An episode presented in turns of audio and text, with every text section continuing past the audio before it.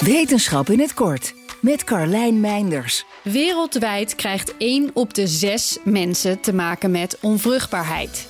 In Australië, waar dit onderzoek is uitgevoerd, wordt 1 op de 22 kinderen geboren via IVF. Dat is een hoop, maar veel pogingen om op deze manier zwanger te raken mislukken.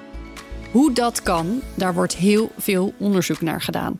Makkelijk is dat niet, want iedere situatie en ieder lichaam is anders. Gelukkig maken nieuwe technieken het mogelijk om steeds verder in te zoomen op de biologie van zaadcellen en eicellen. Snappen we waarom sommigen niet tot een succesvolle bevruchting komen, dan kunnen we beter selecteren met meer kans op succes. Nu hebben onderzoekers een apparaatje gemaakt, een Microfluidic Sperm Selection Device, dat op een andere manier ook bijdraagt aan die betere selectie. Bestaande selectiemethoden voor zaadcellen kunnen zorgen voor DNA-schade aan de cellen of zelfs celdood. Worden deze geselecteerde cellen gebruikt, dan snap je dat de kans op een gezonde zwangerschap kleiner wordt.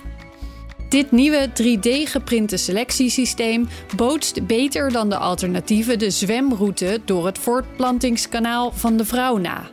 Volgens de onderzoekers zorgt hun techniek voor 85% intacter DNA-materiaal en 90% minder celdood. Ook zouden zaadcellen die met deze methode zijn geselecteerd beter herstellen van het bevriezingsproces. Klinkt als behoorlijk goed nieuws voor een behandeling waarbij elke kleine verbetering enorm veel kan betekenen voor de mensen die je moeten ondergaan.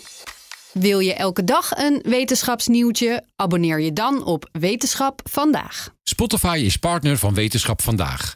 Luister Wetenschap vandaag terug in al je favoriete podcast-apps. Zeg ZZP'er, heb je nou nog geen arbeidsongeschiktheidsverzekering? Insafai heeft de AOV die wel betaalbaar is. In 15 minuten geregeld, 100% online. Krijg nu 20% korting in je eerste jaar via insafai.nl slash radio.